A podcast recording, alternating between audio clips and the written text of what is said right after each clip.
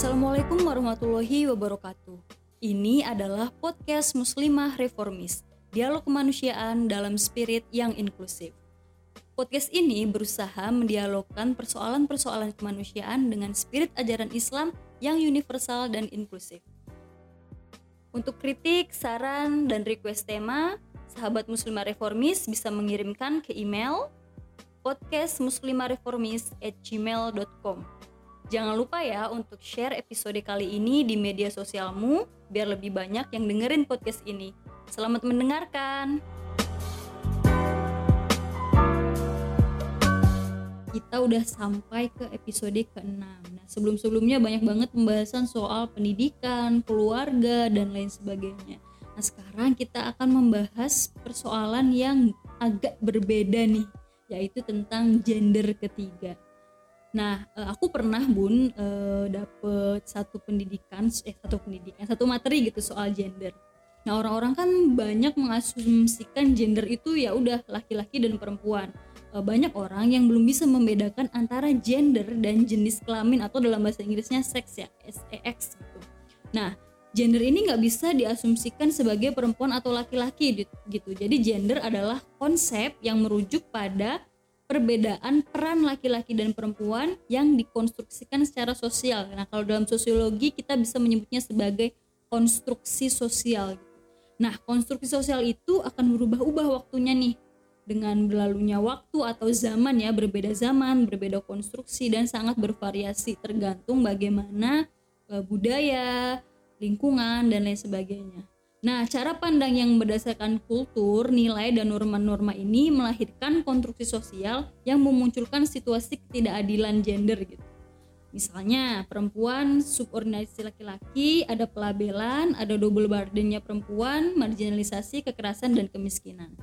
Nah, kita udah tahu tuh bagaimana simpang siurnya arti gender di masyarakat, dan ada muncul nih sekarang lagi hits tentang soal gender ketiga. Sebenarnya ini udah uh, pembahasan udah lama banget ya, cuma di media sosial lagi um, lagi rame nih bun. Nah aku pengen tanya nih ke bunda tentang seluk beluk gender ketiga. Kita sapa dulu Bunda Musta Mulia. Assalamualaikum warahmatullahi wabarakatuh Bunda. Waalaikumsalam warahmatullahi wabarakatuh. Salam sehat ya semuanya untuk sahabat muslimah reformis. Ya, sehat-sehat Bunda juga kita langsung aja nih Bun ke iya, pertanyaan menarik ya, ya ini pak ya. apa isu kita tentang gender ketiga hmm. ya maksudnya gini ya hmm. ini akibat karena pendidikan kita yang selama ini pendidikannya itu tidak uh, apa tidak transformatif ya tidak hmm. melakukan perubahan yang apa yang signifikan bagi bagi bangunan peradaban kita ya jadi ya beginilah kita belajar kita selalu belajar atau didikti apa didikte bahwa manusia itu cuma ada dua hmm. yaitu ber apa namanya ada laki-laki ada perempuan. Nah gender ini harus harus apa sebetulnya berkaitan dengan uh, apa uh, uh, konstruksi sosial yang mengenai apa itu laki mengenai apa itu perempuan. Nah kalau dalam masyarakat kita nih laki-laki itu harus maskulin kan? Iya. kalau perempuan itu harus feminin. Begitu ada laki-laki yang feminin kita anggap salah kan? Iya. nah atau atau perempuan yang uh, maskulin, maskulin. kita anggap salah Padahal itu kan sebenarnya konstruksi sosial. Apa itu konstruksi sosial? Segala sesuatu yang dikonstruksikan, dibangun, diimajinasikan oleh masyarakat. Jadi bukan sesuatu yang kodrat. Jadi bisa berubah-ubah gitu. Nah, masyarakat kita hanya mengenal secara secara mainstreamnya cuma mengenal itu ada ada gender laki, ada gender perempuan. Dikotomi gitu nah, ya. Nah, itu dia. Jadi begitu muncul gender ketiga bingung kan, lalu menganggap itu tabu, bahkan menganggap itu dosa gitu kan Padahal ya itu memang kodratnya begitu. Saya heran juga ya. Mm-hmm. Kalau kita membaca buku Lagaligo, Ilagaligo oh, iya. itu sebuah buku sastra yang ditulis oleh sastrawan Bugis abad ke-12 kalau nggak salah abad ke-12 atau 13 Ilagaligo ya. Nah, dalam kitab uh, sastra tersebut buku ini kayak buku Mahabharata gitu, hmm. kayak Ramayana gitu. Jadi sebuah epos yang panjang sekali, bahkan terpanjang di dunia nih mm. Ilagaligo ini sebuah uh, epos sastra yang sangat panjang itu dalam menarik ya karena hmm. buku itu kan uh, atau uh, Ilagaligo itu uh, apa warisan sastra dari Bugis itu dibuat abad ke-12 itu sudah menjelaskan ada lima jenis gender manusia menarik loh ya hmm. jadi di situ dikatakan ada gender eh, apa makunrai itu perempuan Mm-mm. ada gender oroane itu laki-laki terus ada gender calabai oh aku pernah baca novelnya tuh bun nah calabai Mm. itu laki-laki keperempuanan dia jadi dia laki-laki tapi feminin. Mm-mm. kan? kemudian ada calalai nah yang calalai ini adalah perempuan tapi dia maskulin. Tapi akan ada kan tomboy kalau kayaknya istilah aku kita. deh. Nah itu dia. Ya kita semua barangkali sama dengan itu. Jadi nggak masalah kan ya. Nah yang kelima itu menarik. Itu namanya bisu. Nah bisu ini sebetulnya eh, kalau dalam eh, masyarakat Bugis itu adalah gender yang tidak punya kelamin laki atau perempuan. Dia bukan maskulin bukan feminin. Terus dia menganggap dirinya itu tetesan dewa apa dewata sewai tetesan dewa yang kan menurut dia Tuhan itu kan nggak punya jenis kelamin. Wow. Tuhan itu kan bukan laki bukan perempuan. Iya. jadi memang kalau dalam strata masyarakat Bugis eh, kelompok bisu ini menempati posisi yang sangat sakral. Dia kerjanya itu adalah eh, menata eh, apakah cara-cara adat karena dia yang dianggap bisa berhubungan dengan pemimpin para dewa. adat ya bukan pemimpin adat tapi menata eh, ritual-ritual adat.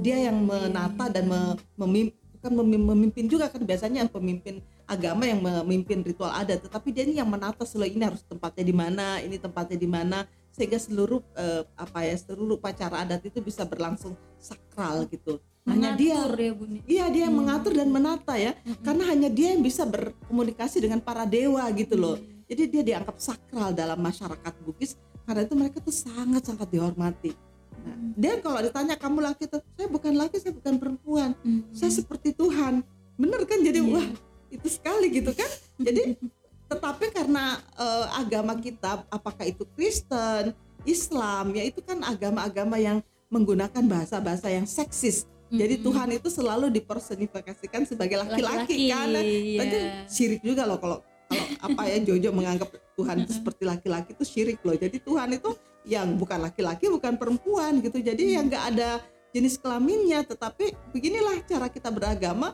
selalu menganggap Tuhan itu maskulin dari cara-cara kita beragama juga menggunakan cara-cara yang maskulin. Wah ini Mhm. kacau balau ya jadinya.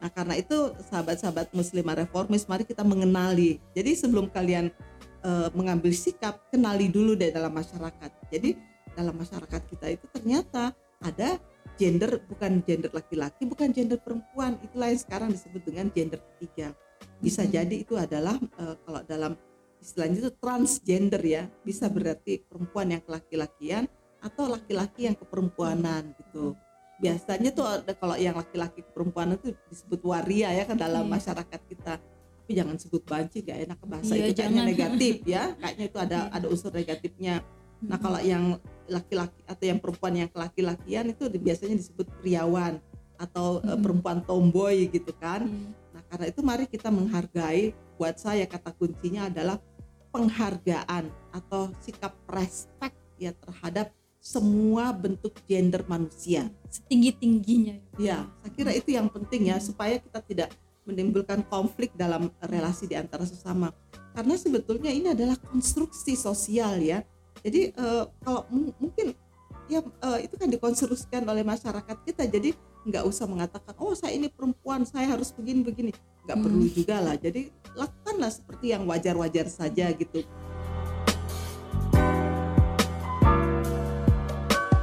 Nah, di biologi pun Bun itu rumit banget ya Bun ya. Ada orang yang bentuk kelaminnya laki-laki tapi hormonnya dominan perempuan. Jadi ya Heeh, dominan eh, feminin gitu. Terus ada yang bentuk eh, kelaminnya perempuan tapi hormonnya estrogennya lebih banyak misalkan gitu Bun kadarnya. Itu sebenarnya rumit banget. Ada juga materinya bisa searching di Google makanya kita nggak boleh ada yang namanya apa ya stigma gitu bun ya stigma Betul. negatif nah tapi bun karena ketidaktahuan itu kadang melahirkan berbagai macam kekerasan dan diskriminasi nah itu Nah, dia. Buat kita yang udah tahu nih bun soal gender ketiga dan ya itu normal gitu bukan hal yang eh, be- bukan hal yang salah tapi hanya berbeda gitu nah itu bagaimana bun cara Ya. menghadapi mereka yang mengalami kekerasan bagaimana cara kita Ya sebelum melindungi itu mereka ya mesti ada penjelasan dulu kepada masyarakat kita. Nah inilah pentingnya melek literasi gitu Oke. kan. Jadi setidak-tidaknya buat saya nih pendidikan itu harus mengedepankan ke apa penguatan literasi peserta sehingga masyarakat kita tuh menjadi terbuka pikirannya.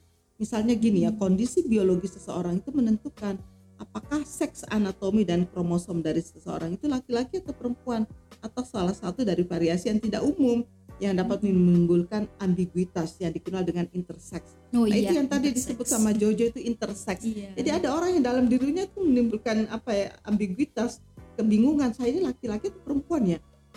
Tubuhku perempuan tapi kok jiwaku laki-laki gitu kan. iya. Itu jadi jadi jangan salahkan dia itu gitu ya. Walaupun begitu bagaimana orang tersebut mengidentifikasi dirinya sendiri maupun diidentifi- diidentifikasi di dalam masyarakat sebagai laki-laki, sebagai perempuan atau lainnya. Nah, pada umumnya ditentukan oleh identitas gender dan peran gender dalam budaya tertentu tempat ia eh, dibesarkan. Karena itu sayangnya nih sayangnya tidak semua kebudayaan memiliki peran gender yang dibatasi dengan tegas. Nah, ini loh masalahnya. Karena kalau saya melihatnya dalam kebudayaan Bugis ya, itu mengenal golongan bisu yang merupakan kaum pendeta yang saya katakan tadi yang tidak mempunyai golongan gender. Itu juga ada loh di kebudayaan Hawaii ya mengenal mahu yang berada di antara eh, gender laki-laki atau gender perempuan atau dia tidak memiliki gender tertentu. Menarik kan? Kalau Iya. kita mengenal berbagai eh, apa berbagai suku bangsa, tetapi juga di sana ada yang namanya gender ketiga. Di India, di Bangladesh, di Pakistan ada yang namanya gender ketiga. Karena itu mari deh kita jadi orang yang lebih Iya. terbuka wawasannya, baca ya bu ya lebih banyak membaca sehingga lebih bisa menghargai ya keberadaan orang lain dengan seluruh keunikannya, ya kan? Oke. Nah, kemudian muncul nih Bun pertanyaan, apakah dengan melegalisasikan gender ketiga itu akan menjadi solusi terbaik?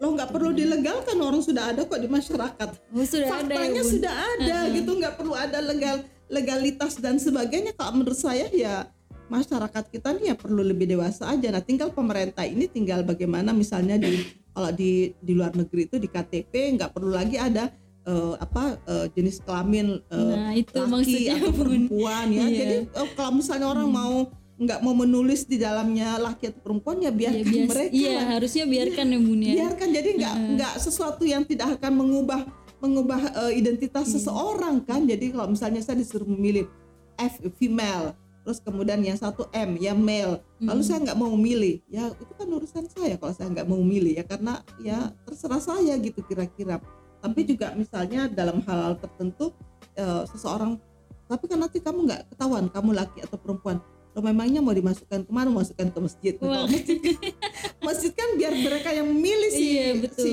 apa sih yang bersangkutan Iya. saya ini merasa diri saya perempuan atau laki-laki nah Mhm. inilah yang timbul dalam masyarakat kita konflik-konflik karena banyakkan orang memastikan saya bertemu nih beberapa waria ya dia bilang Hmm. gini gimana dong Bu Musa saya ini kan merasa perempuan jadi saya pakai mukena Pak Ustadzku tuh bilang "Nggak, eh, sholatku tuh nggak sah kalau saya nggak pakai peci ya nggak Hmm. pakai baju laki-laki terus saya bilang begini "Oh, memangnya Ustadz kamu itu pernah ke pernah ke akhirat ya Iya, lihat pernah ketemu siapa- Tuhan gitu. siapa yang diterima amalnya siapa yang tidak diterima amalnya kok bisa tahu dia gitu kan jadi Mhm. kalau kamu menganggap dirimu perempuan nih kamu yang menganggap dirimu perempuan ya kamu ya ya gunakanlah mukena Mhm. karena itu kan yang mengetahui kamu perempuan atau laki-laki kan diri kamu Dirimu bukan orang sendiri. lain tetapi yang penting memang adalah konsistensi sehingga tidak mengubah apa ya karena kalau hari ini kamu pakai mukena besok kamu pakai peci kan orang kan bingung Iya. jadi kamu juga jangan membuat kebingungan ya dalam Hmm. masyarakat kita sehingga buatlah ke- keteraturan sehingga kalau kamu memilih ya memilih untuk menjadi eh, laki-laki ya harus konsisten supaya eh, masyarakat ngerti loh, oh kalau kamu tuh pakai senengnya tuh pakai mukena atau kamu senengnya pakai peci ya buat saya Tuhan itu maha maha sempurna ya Tuhan itu maha pengasih dan maha penyayang dia akan menerima amal dari hamba-hambanya sepanjang itu dilakukannya secara tulus ya Iya, betul Bun. Nah makanya berarti di KTP tuh ada dua hal yang sebenarnya menjadi private ya Bun. Pertama jenis kelamin, kedua agama ya Bun. Gak penting ya Bun ya. Aduh, buat apa juga gitu. betul tapi kan masyarakat kita masih masyarakat yang tingkat literasinya masih sangat rendah sehingga Hmm. per- apa persoalan-persoalan seperti ini bisa menimbulkan konflik berdarah ya kalau itu Iya. dibicarakan secara umum karena itu saya pikir marilah kita pelan-pelan ya secara gradual meningkatkan literasi eh, pengetahuan kita jadi literasi agama nih kita tingkatkan Hmm. literasi budaya literasi gender sehingga kita nggak kaget nih ketika kita bicara tentang gender ketiga Iya, betul. Oke teman-teman gitu ya eh, penjelasan soal gender ketiga. Jadi nggak perlu kaget karena sejak dulu itu sudah ada. nggak perlu parno juga Iya, gitu kan nggak perlu parno juga. Pokoknya lebih banyak baca buku deh. Aku juga pernah dapat materi soal itu bun, tapi yang biologi itu mumet bun. Iya, Iya memang. mumet banget. Iya. Interseks dan lain sebagainya. Baik teman-teman, sekian dari aku dan Bunda Musta Mulia. Sampai ketemu di episode berikutnya. Assalamualaikum warahmatullahi wabarakatuh.